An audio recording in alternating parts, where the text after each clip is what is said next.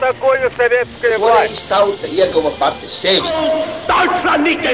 Liktenīgas nejaušības un slēptas likumsakarības, subjektīvas patiesības un objektīvi aizspriedumi. Pēc atkušņa nekad nenāk uzreiz pavasars, bet sākās Arī šodien cilvēki ir ļoti tuvredzīgi. Viņi redz to naudu, kas ir. Televīzijā jau pamatā notiek cīņa par varu. Pagātne no šodienas skatu punkta un šodienas caur pagātnes prizmu. Raidījumā šīs dienas acīm. Katru svētdienu Latvijas radio eterā Eduards Liniņš. Labdien, cienījamie klausītāji! Šodien mēs palūkosimies uz valsti, kas nu pat ir kļuvusi Eiropas un Krievijas attiecību kontekstā ļoti aktuāla, proti uz Turciju, cenšoties saskatīt tos motīvus Turcijas 20. gadsimta vēsturē, kas tai ļauj un liek šobrīd būt konfrontācijā ar Krievijas darbību tojos austrumos. Mans sarunbiedrs studijā - politologs un arī politiķis Veikos Polītis. Labdien! Labdien! Es domāju, sāksim ar to brīdi, kad, um, noslēdzoties Pirmā pasaules kara beigām, sabrūk Osmaņu impērija, kas savulaik ir bijusi viena no spēcīgākajām, dažu brīdi varbūt pat spēcīgākā lielvalsts, katrā ziņā vidusjūras reģionā, un uh, šī impēriskā pagātne, kas izbeidzas līdz ar Pirmā pasaules kara beigām, izveidojoties pavisam citai turku valstī. Cik tā tālākajā vēstures gaitā ietekmēja turku nācijas domāšanu, cik varbūt ir saglabājies no kaut kādas nostalģijas par to seno impērisko varenību? Manuprāt, Edvards, tu uzdevi jautājumu ļoti precīzi. Te ir gan šis impērijas mantojums un nostalģija, gan arī apjausma par jauno, kas iet daudzslāņaini cauri šodienas Turcijai un arī pasaules politikai. No vienas puses, ja mēs skatāmies, kā tad beidzās Pirmais pasaules karš un kā pēc neatkarības cīņām 23. gada oktobrī tika izsludināta Turcijas republika, tad eh, no vienas puses tā bija pagātnes nogriešana pašā saknē, jo, lai arī bija Osmaņu dinastijas pārstāvi, kur vēlējās režīmu transformāciju atjaunošanu, tad tieši Kemala Ataturka sekotāji, jeb tā saucamās jaunturku kustības pilnbriedz, bija tas, kurš teica, ka nē, jānoliek punkts tai vecai otomaņu vai osmāņu dinastijai un jāsāk valsti un republika būvēt no jauna. Līdz ar to Turcija sekoja šai jaunradēji. Tā bija arī Turcijas vēlme iesakņoties rietumu pasaulē, jo galu galā 19. gadsimtā tā atpalicība ir pateicoties iekšējo reformu nēsamībai. Un līdz ar to mēs nākam pie diskusijas par Kemalu Ataturku, par Turcijas republiku, kura ievieš arī tādu jēdzienu kā kemalisms, kurš līdzīgi kā fašisms un bolševiskais komunisms ir jauni politiski režīmi Eiropas vēsturē. Protams, es negribu šeit vienādības zīmi likt šiem, šiem trijiem strāvojumiem, jo par laimi kemalismu gadījumā mums ir veicies ar Kemalu Atatirku, kā ar ļoti pozitīvu bijušu militāru personu Turcijas vadītāju. Kemalisms, kurš no vienas puses reformē valsti, tātad burtiski nedēļas laikā valsti pārved no arābu uz latīņu rakstību, ievieš skolotāju semināru kustību, veids reformas lauksainiecībā, rūpniecībā, politiskajā sistēmā, ievieš tiesu varu, pārved galvaspilsētu no Istambulas uz Ankaru. Kemals Atatirks, runājot par ārpolitiku, to nosauc ļoti vienkāršā vārdā. Turcijas politikā ir nodrošināt mieru pie sevis un mieru pārējā pasaulē. Un otra lieta ir tas, ka atšķirībā no tās pašas Vācijas vai Ungārijas, skatoties Eiropas vēstures kontekstā, ir skaidri redzams, kādā veidā šī industrializācija un modernizācija un urbanizācija, visi šie procesi, kas ir notikuši, ir nākuši no rietumiem uz austrumiem. Nu, Otoņu impērijā vienkārši attīstība ir bijusi vēlāk. Līdz ar to Kemala Ataturka laikā notika šī pilsētu veidošanās, buržāzijas veidošanās, un līdz ar to šīs pretestības nebija tik asas. Tāda īpatnība, varbūt, ko mēs arī lasot par tiem faktiem, kā tad Turcija attīstās politiski starp pasaules kariem, šī vienpartijas sistēma, tāpēc, ka sabiedrībā nav pieprasījuma pēc opozīcijas. Tieši tā, jo arī, ja mēs skatāmies pat uh, politikas zinātnes tēvs Nikola Makiavelli, kurš visnotaļ labi paziņa Osmaņu impēriju, arī Žambodēn un pārējie, kuri rakstīja par Otomaņu impēriju atšķirībā no pārējās Eiropas politiskajām kultūrām, vienmēr uzsvēra to, ka atšķirībā no Eiropas Otomaņu impērijā nebija alternatīva sultānam. Tātad šī varas vertikāla absolūtisms, ko mēs saucam moderni par sultānismu vai absolūto sultānismu, bija tas, kurš izslēdz jebkādu opozīciju. Nozīmē, ka visi bija pakļauti sultānam, opozīcija nebija no kurienes rasties. Un to situāciju un savu valsts vēsturi Kemals Atatirks ļoti labi saprata, tāpēc viņš izveidoja šo vienu republikānisko tautas partiju, un tikai vēlāk, jau pēc viņa nāves, viņa sekotājs Ismets Inenu saprata, saprata, kad ir jādod arī redzot, ka pretestība aug pateicoties tam, ka sabiedrība attīstās un radās citi varas centri, tad jau radās citas partijas. Turcija pēc Pirmā pasaules kara kļūst par nacionāli daudz monolītāku valsti. Ko mēs varam teikt par um, minoritāšu politiku Turcijā pēc tam, kad tā ir kļuvusi par nacionālu valsti?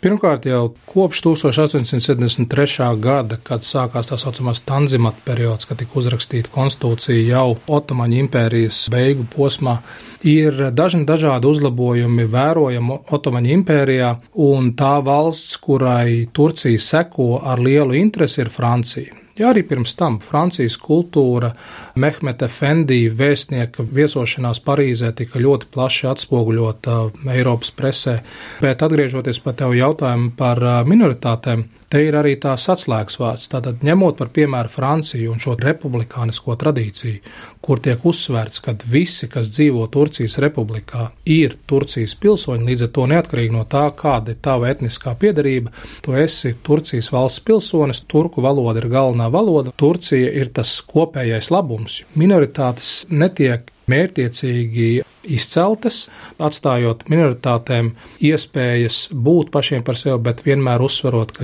turcisms, republikāniskā ideja ir pati galvenā.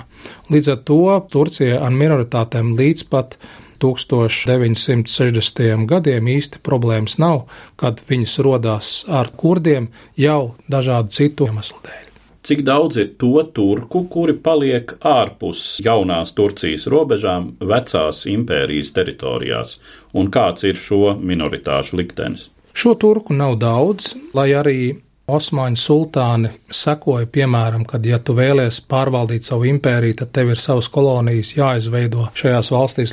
Mēs redzam turku kopienas šodien sakarā ar Sīrijas konfliktu robežas Sīriju, Hatais provincē, bet, eh, ja mēs runājam par lielāko turku kopienu, tad lielākā turku kopiena apdzīvoja Balkānus un tieši Grieķiju. Un šeit ir jāpiemina šī politika, kas bija noslēgta starp Grieķijas vadītāju un, un Kemalu Atatirku, kur bija plānveidā lielākā iedzīvotāja apmaiņa pasaules vēsturē, kur apmēram 400 tūkstoši turku pārcēlās no Grieķijas uz Turcijas republiku un apmēram 1 200 tūkstoši grieķu bija spiesti pārvietoties no Turcijas uz Grieķiju. Vēl viens ļoti Eiropas politikā dramatisks moments ir Kipras problēma kur gan turku minoritātes klātbūtne noved pie valsts de facto sadalīšanās divās daļās, kas notiek 1974. gadā.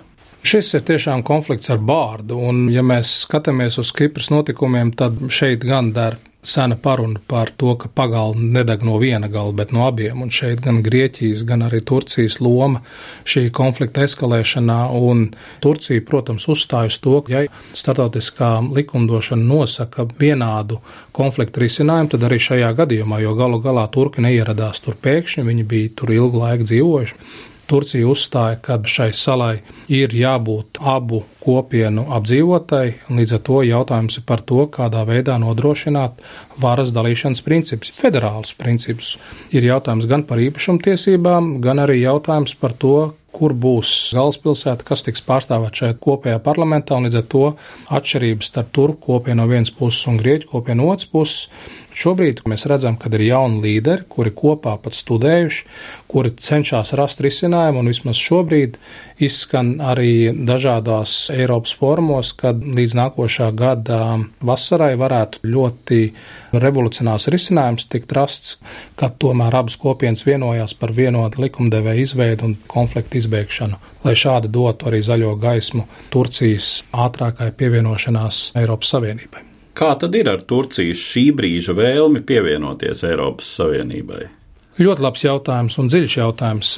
Protams, šis process, kad asociācijas līgums Turcijas iestāšanai Eiropas kopienā tika noslēgts 1965. gadā, nenesa tādus rezultātus, kā piemēram viņš deva Grieķijai vai Spānijai vai Portugālei, kuras iestājās attiecīgi 1982. un 86. gadā. Šeit daudz kur arī Turcijas problēmas, gan arī valsts apvērsums, un, protams, kopš 99. gada, kad Turcija ir iesākusi iestāšanās sarunas, ir noslēgtas 14 sarunu sadaļas, bet 26 vēl ir vaļā.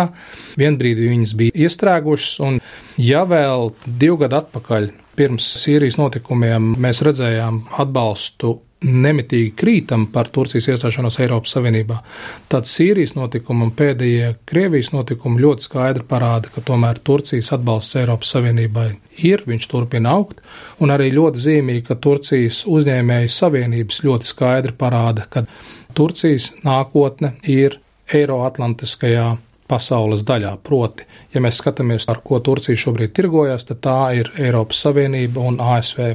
Atgādinājumam Latvijas klausītājiem, Turcija ir noslēgts muitas savienības līgums ar Eiropas Savienību par rūpniecības precēm un pakalpojumiem. Diemžēl lauksniecības preces vēl ir izslēgts no tā ārā, bet šobrīd mēs esam jau daļa no vienotas tirzniecības telpas. Tā kā šajā gadījumā es domāju, ka virzība notiek ne tik ātri, kā varbūt visas puses to vēlētos, bet lielākais klupšanas akmeņš šeit šobrīd ir prezidents Erdogans, proti tiesiskuma, konstitucionālo principu ievērošanas un preses brīvību jautājumu, kas ir liela problēma Turcijai šobrīd. Un, protams, tur ir otra lieta - ašas Eiropas Savienības nereformētība, jo to ir vairāk eksperti ļoti skaidri pateikuši, ka uz tādiem noteikumiem, kā Eiropas Savienība iestājās, piemēram, tā pati Grieķija vai Latvija vai Somija vai Zviedrija, nec Turcija, nec Ukraina Eiropas Savienībā neiestāsies. Mums ir pamatlīgumi jāpāraksta, jo tas neatbilst esošajai situācijai, un līdz ar to Luksemburgas laukumā, Beļģijas galvaspilsētā Briselē šo Eiropas parlamentu vienkārši pataisīt lielāku un lielāku, tas īsti nestrādās. Tā kā šeit ir jādomā arī par to, kādā veidā veidot divpalātu parlamentu Eiropas Savienībā, mums vienotu pārvaldību, gan finanšu ministru vai arī vienotu armiju. Tie jau ir jautājumi, ko mēs šodien neizrunāsim, bet tie arī jārisina, ja mēs runājam par Turcijas nākotni Eiropas transatlantiskajā telpā. Vai Eiropai ir nepieciešamas tik lielas valstis kā Turcija un arī tāpat Ukraina un arī tik problemātiskas valstis? Vai tas nav pārāk liels risks mēģināt tās pilnvērtīgi integrēt Eiropas struktūrā, nu sevišķi, ja mēs skatāmies no tādu mazu valstu savukārt kā Latvija viedokļa, ka Eiropa papildinās ar ļoti lielām valstīm? Attiecīgi proporcionāli varbūt Latvijas ietekme, kā salīdzinoši mazas valsts ietekme, mazinās. Ja mēs runājam par Eiropas Savienību tādu, kāda viņa ir šodien, tad, protams, Eiropas Savienotajās valstīs, Eiropas konfederācijā, es nezinu, kā viņi sauksies.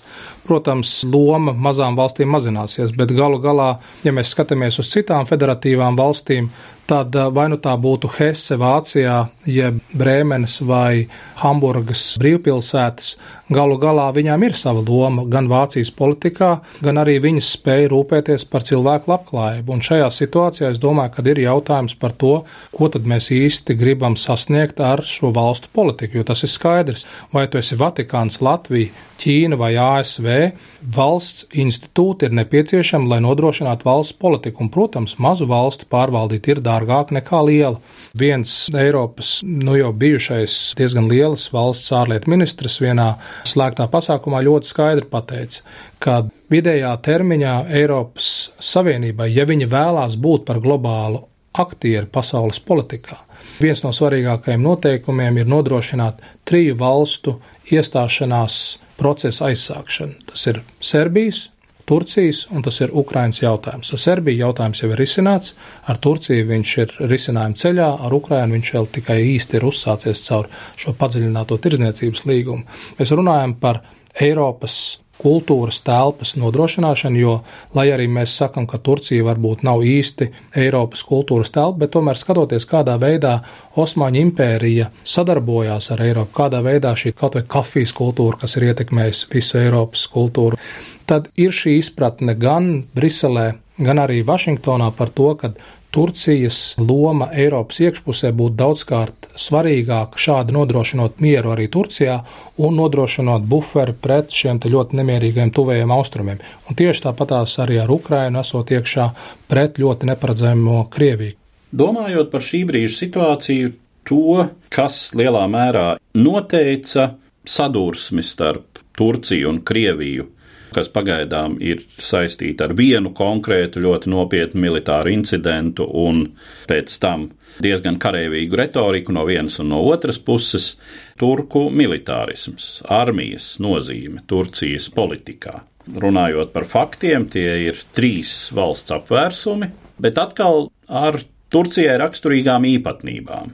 Kā mēs varētu raksturot to armijas un civilās politikas, laikam Turcijas gadījumā tā var teikt armijas īstenota politika un civilā politika. Tad eh, kādas ir šīs attiecības?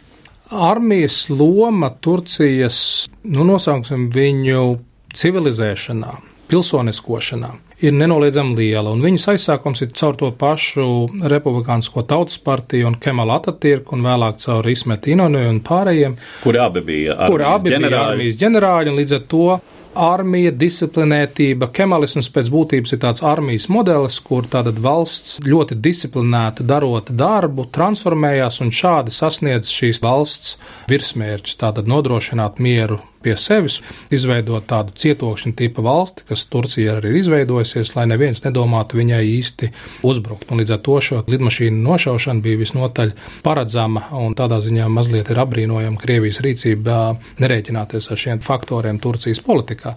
Bet atgriežoties pie tavu jautājumu, jā, armijas loma ir bijusi vienmēr ļoti klātesoša, bet tieši ar AKP, jeb Islamiskās taisnīguma partijas nākšanu pie varas 2000. gadā, ļoti pakāpeniski un mērķiecīgi armijas loma tika mazināta. Arī ne bez Eiropas Savienības padoma un pieprasījumiem, jo viens no Eiropas Savienības pieprasījumiem bija armijas lomas mazināšana gan tieslietu sistēmā un Turcijas konstitūcijā, un šī brīža prezidents tā laika premjerministrs Reģeps Taips Erdogans to arī mērķiecīgi darīja, līdz ar to armijas loma noteikti ir samazināta, arī ne bez skandāliem, jo šeit ir divi procesi, gan Ergenekon, gan Baljos, kuri joprojām nav pilnīgi atklāti, vai viņi bija safabricēti, vai reāli tur arī bija tā saucamais dziļās valsts problēmas, kur tika vainoti ģenerāļi valsts kārtējā apvērsumā pret Reģeptāju Perdoganu valdību. Respektīvi apvērsuma mēģinājumā vai apvērs, sazvērestībā. Sazvērestībā apvērsuma mēģinājumā. Tā kā šobrīd mums vēl pilnīgas atbildes nav, to mums dos vēstures pētījumi, bet eh, tas, ka armijas loma ir visur klātesoša un tas, ka armijas budžets īsti nav pats skaits, ir zināms, ka viņš ir visnotaļ liels.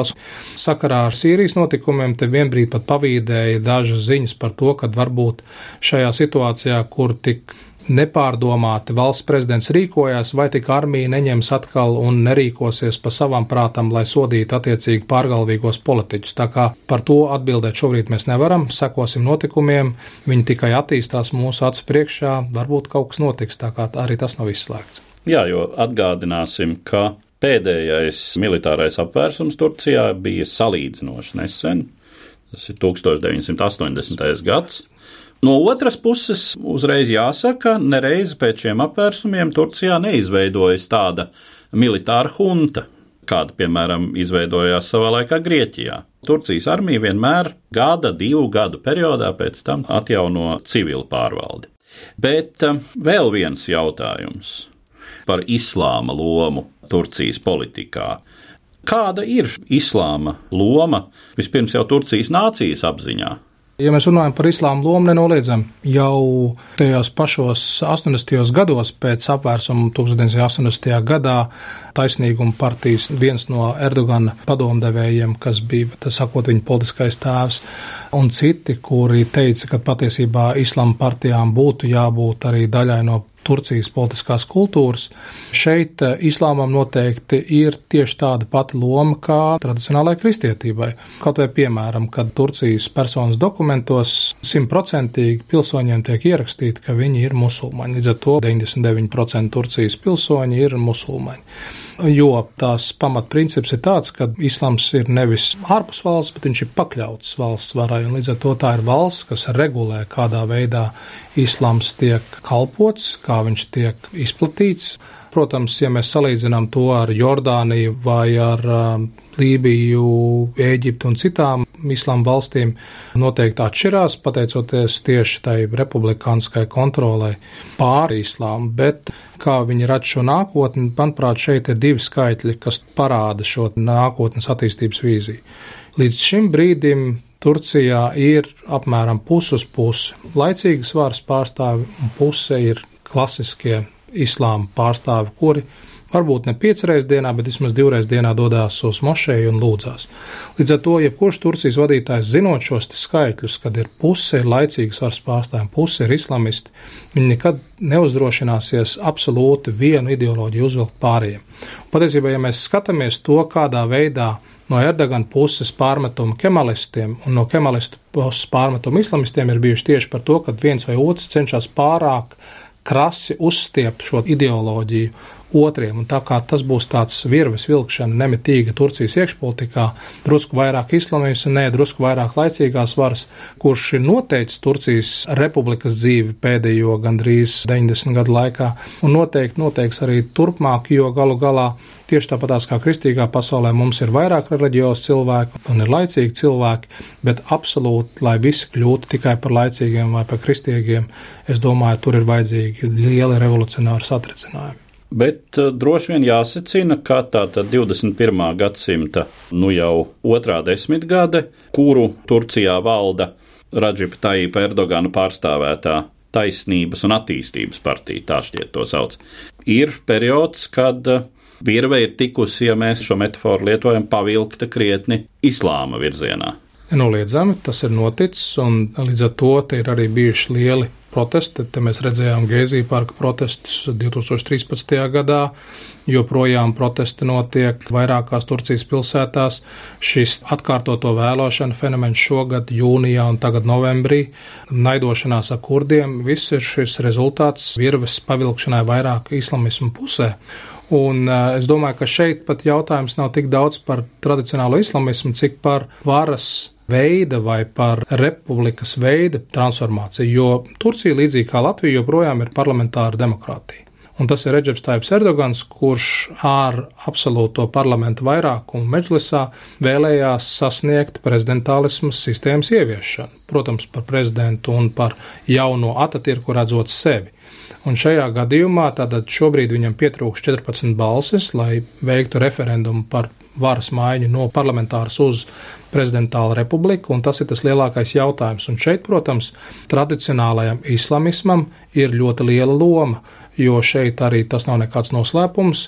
Gan šī brīža prezidents Reģeps Taips Erdogans, gan bijušais Abdullah Gils, abi divi mācījās Saudārābijā, abi divi saņēma finansējumu no Saudārābijas.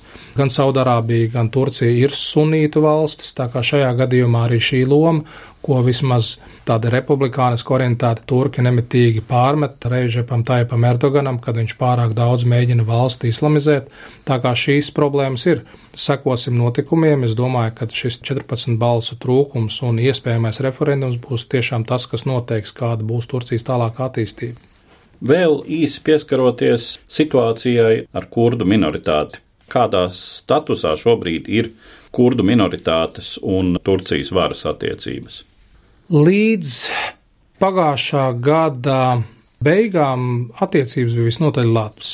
Turcijas galvenā partija HDP bija tā, kas kurdus pārstāvēja kā minoritātes partiju, gan zem demokrātiskās tautas partijas nosaukuma, bet liela daļa kurdu kā tradicionālisti atbalstīja valdošo taisnīgumu partiju, kas ir Reģetāja Perdogana partija.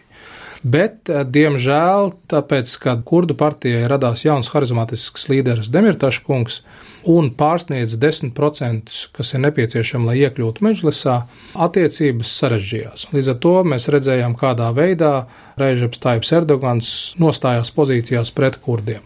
Un šajā gadījumā viens ir iekšpolitiskā retorika un iekšpolitiskā attīstība. No otras puses, ļoti nozīmīgu lomu spēlē arī kurdu kopienas brāļi ārpus Turcijas robežām uz robežas gan Irākā, kur ir nomināla autonomija jau Kurdistānai Erbīlā ar galvaspilsētu, un, protams, Sīrijā, kur ir visu karš pret visiem, bet ir arī kurdu teritorijas, kuras cīnās pret islāma valsti. Jebkurā gadījumā es domāju, ka kurdu un Kurdistānas jautājums būs tuvāko 15-20 gadu jautājums tuvajos austrumos numur viens, jo 36 miljonu nāciju bez savas valsts ir jautājums pats par sevi. Tas, ka rietumu padomdevēji ir Turcijai ieteikuši attiecības normalizēt ar kurdiem un vismaz tiekoties Turcijā ar ārlietu ministrijas pārstāvjiem, esot arī dienvidaustrumos, Diyarbakirā, karšā uz robežas, ir redzams, ka šis sarunas ar kurdu kopienas pārstāvjiem notiek, jo tas jau nekāds noslēpums nav.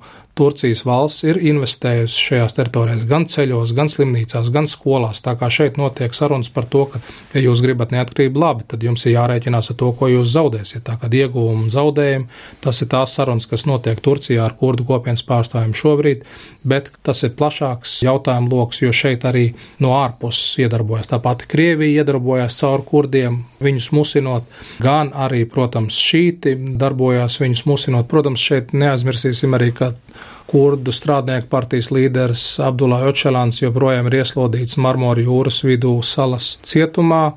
Šobrīd mēs redzam gan kurdu televīzijas kanālu atļauti.